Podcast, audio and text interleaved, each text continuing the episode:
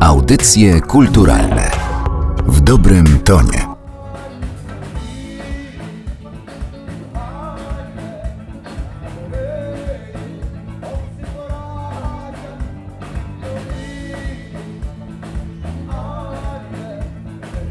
Przy mikrofonie Katarzyna Oklińska. Dzień dobry. W tym odcinku audycji kulturalnych zabieram Państwa w podróż na krańce Polski. Podsumujemy Wschód Kultury. Tegoroczny festiwal to jak zwykle nie tylko muzyka, ale również wydarzenia towarzyszące.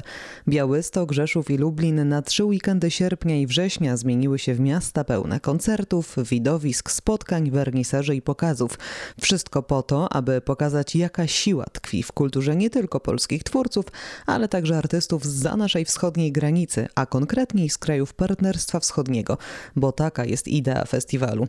Dlatego, jak mówi dyrektor Narodowego Centrum Kultury, organizatora wydarzenia, profesor Rafał Wiśniewski, w tym roku Wschód Kultury w wyjątkowy sposób solidaryzuje się z Białorusią. Można powiedzieć, że w tym roku takim leitmotivem jest wsparcie Białorusinów, które ten weekend najbardziej wyraźniej wybrzmiało, ponieważ w piątek był wielki koncert w telewizji na czterech antenach były emitowane, występowali polscy i białoruscy artyści, a w sobotę i w niedzielę udało się podświetlić instytucje kultury, instytucje publiczne w Polsce i za granicą. Ponad 90 instytucji, jak Wawel, Zamek Królewski, Muzeum Narodowe, Zachęta, ale również gminne ośrodki czy domy kultury. Tutaj nie stawiamy kropki wsparcia Białorusinów. Teraz bardzo ważne jest, żeby ten wymiar symboliczny przełożyć na wymiar również kulturowy czyli kupujmy płyty zespołów białoruskich, zapraszajmy ich do swoich miejscowości, czytajmy literaturę białoruską. Symbolicznie Białorusini to zauważyli, w szczególności, że Bielsat transmitował koncert, ale to wsparcie Białorusinów właśnie zaczęło się w Białymstoku. Później to, to miało miejsce w Rzeszowie i w Lublinie. Muszę powiedzieć, że te uczucia cały czas kołyszą mnie, bo jednak to nie jest tak, że, że festiwal minął i tak się szybko o nim zapomina. Rzeczywiście dużo rzeczy dobrego się, się działo w, w tym bardzo wymagającym czasie. I jest taka, bym powiedział, swoista refleksja, że warto robić ten projekt, ponieważ on ma rzesze stałych fanów i niezależnie od trudności, z którymi spotykamy się na świecie, to ten festiwal jest dobrze odczytywany. Ludzie chcą uczestniczyć w tych wydarzeniach, twórcy chcą spotkać się ze swoją publicznością. I myślę, że, że to jest takie swoiste święto w tych trzech miastach. To jest, bym powiedział, projekt swoistym zaproszeniem do kultury, żeby w jednym czasie spotkać się i przedstawić różne perspektywy, różne formy artystyczne. Tak bogate działania, myślę, że one nawet nie mieszczą się w słowie festiwal, bo festiwal często jest utożsamiany przede wszystkim, że to są występy, zespoły muzyczne, natomiast muzyka jest jednym z naprawdę z wielu komponentów tego projektu ponieważ mamy spotkanie z twórcami, z literaturą, mamy film, mamy galerię, działania artystyczne, wsparcie animatorów kultury. Naprawdę to więcej niż wypełnia słowo festiwal. I, i, bardzo dobrze. Profesor Rafał Wiśniewski podkreśla też, że punkt widzenia zależy od punktu patrzenia, dlatego określenie wschód należy rozumieć szeroko, a Polska A i B nie istnieją. Granice oczywiście, czy określenie kierunek wschód-zachód ma charakter, powiedział, dosyć arbitralny, bo tam, gdzie staniemy, tam jakby określamy, co jest przodem, co jest tyłem, co jest w prawą stronę, co jest w lewą.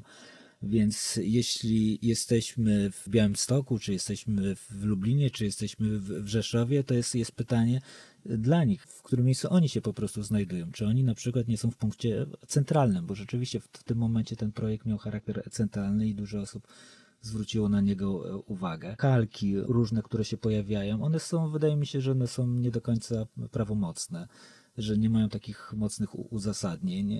Powtarza się czasami stereotypy, oczywiście to bazuje na jakiejś dłuższej historii, ale kiedy przyjedziemy na przykład do Rzeszowa, czy przyjedziemy do Lublina, zobaczymy w ogóle jak te piękne miasta kwitną, jak ciekawe projekty są realizowane i nie tylko podczas schodu kultury. Mówienie na takim binarnym AB nie do końca jak, jakby w mojej ocenie koresponduje z, tym, co się tam dzieje.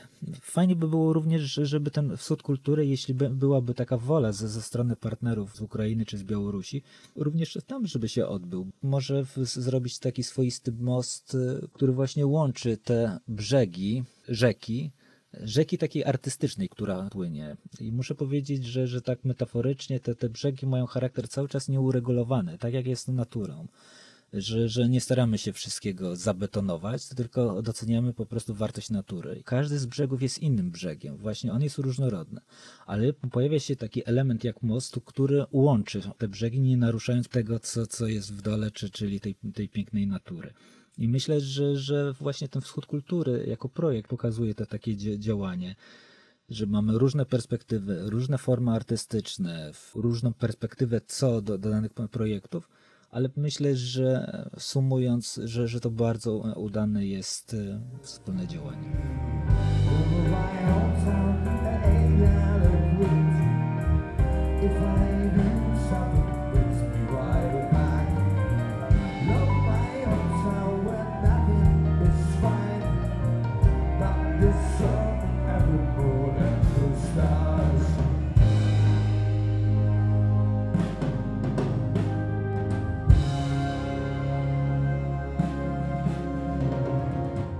Ale organizacja tegorocznego festiwalu Wschód Kultury nie należała do najłatwiejszych. Wydarzenie z powodu pandemii COVID-19 zostało przełożone z czerwca i lipca na sierpień i wrzesień. Ten rok jest y, globalnie chyba najtrudniejszym w szerszej perspektywie. Wielu lat no, nie było czegoś takiego, co stworzyłoby taki gigantyczny problem. Pojawił się też oczywiście problem organizacyjny, czy, czy uda się zrealizować Wschód Kultury. W marcu zaczęliśmy pracować koncepcyjnie. Z czerwca przełożyliśmy na koniec sierpnia, to znaczy w ostatni tydzień, ostatni piątek czerwca miał być koncert w Rzeszowie, a został przełożony na 28 sierpnia.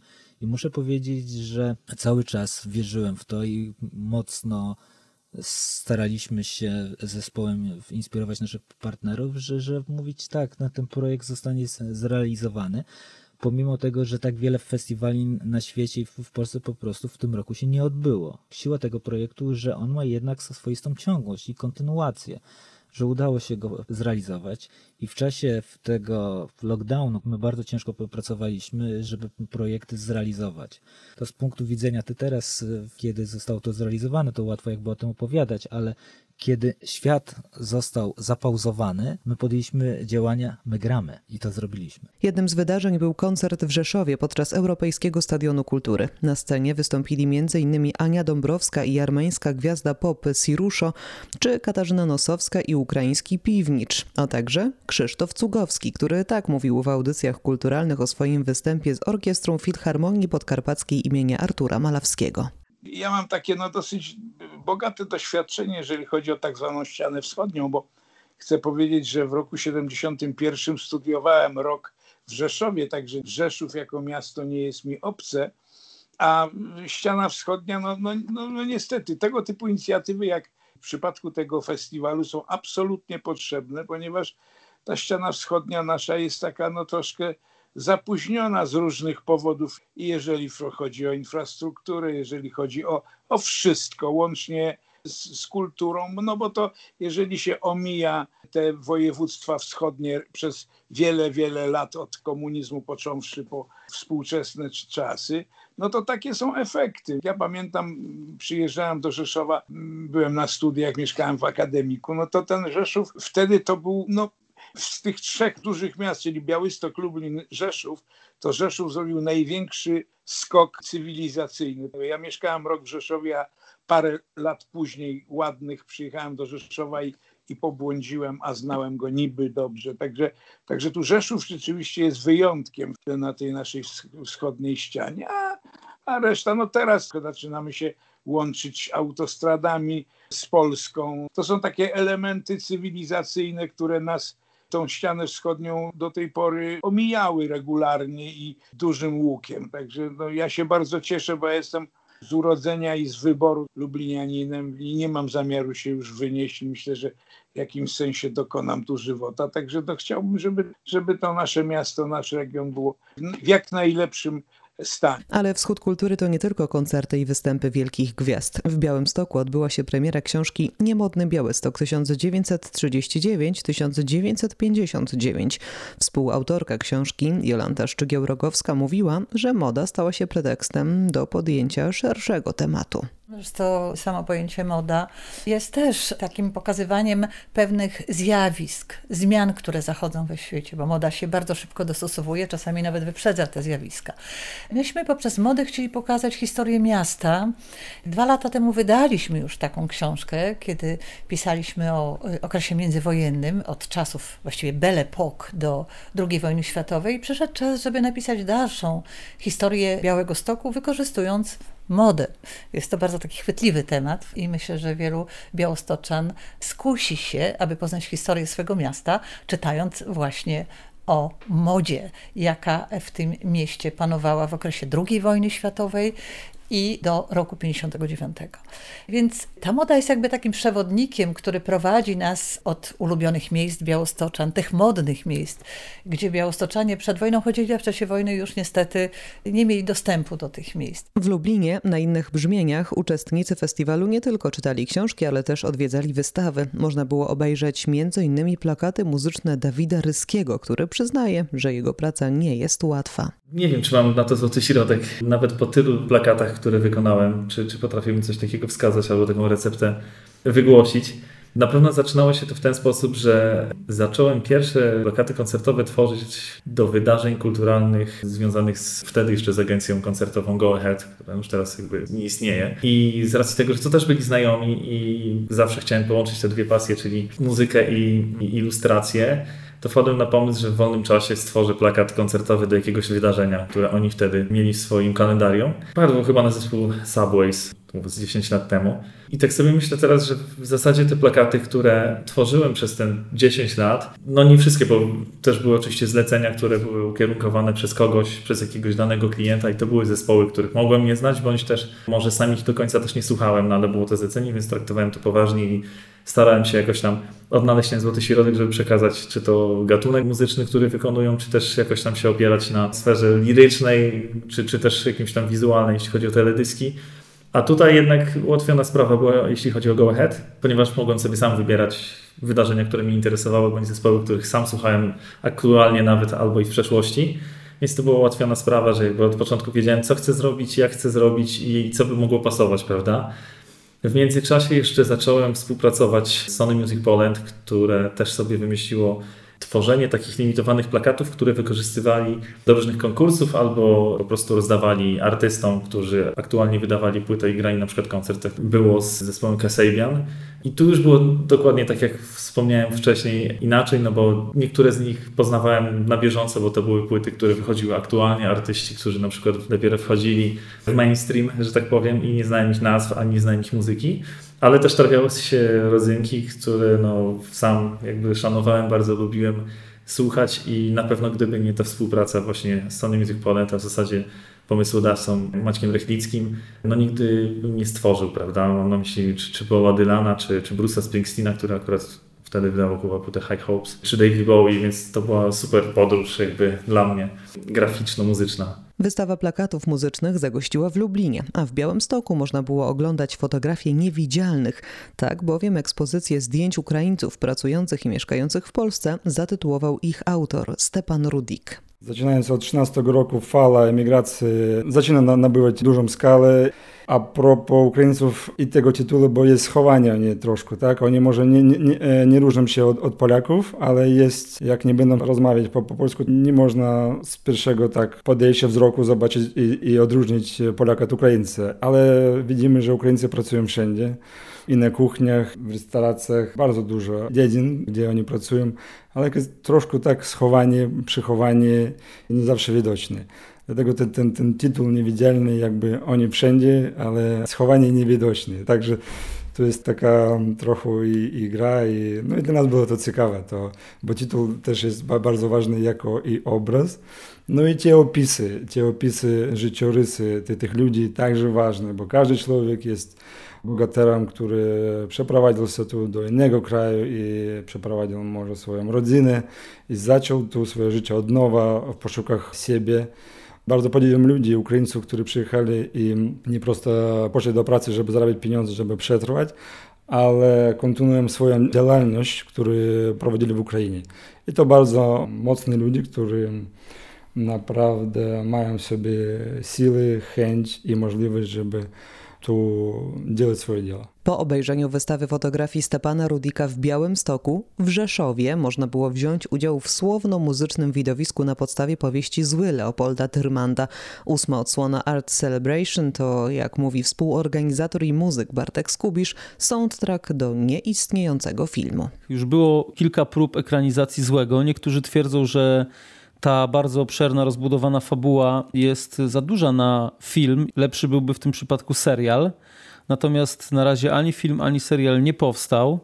I rzeczywiście było to takie wyzwanie właśnie zrobić soundtrack do nieistniejącego filmu lub soundtrack do książki.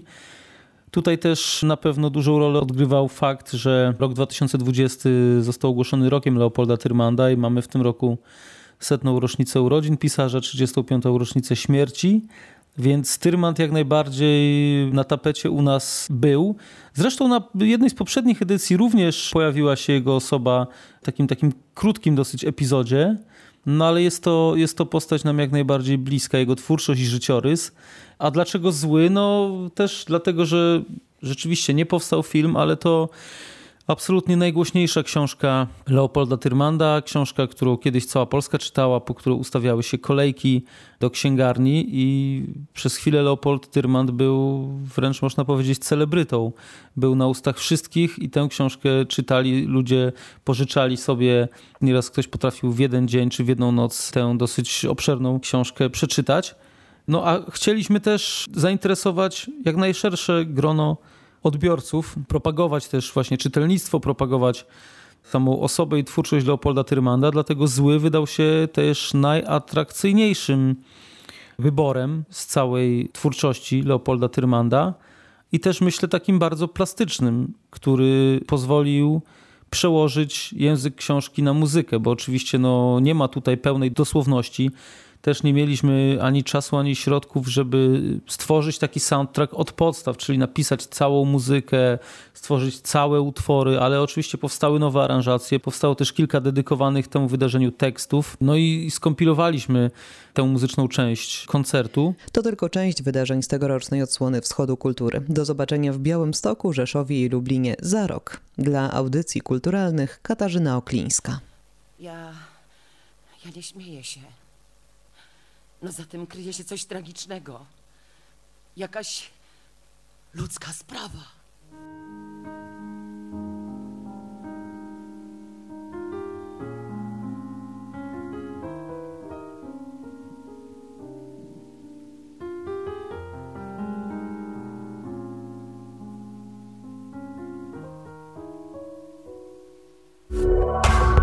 Audycje kulturalne w dobrym tonie.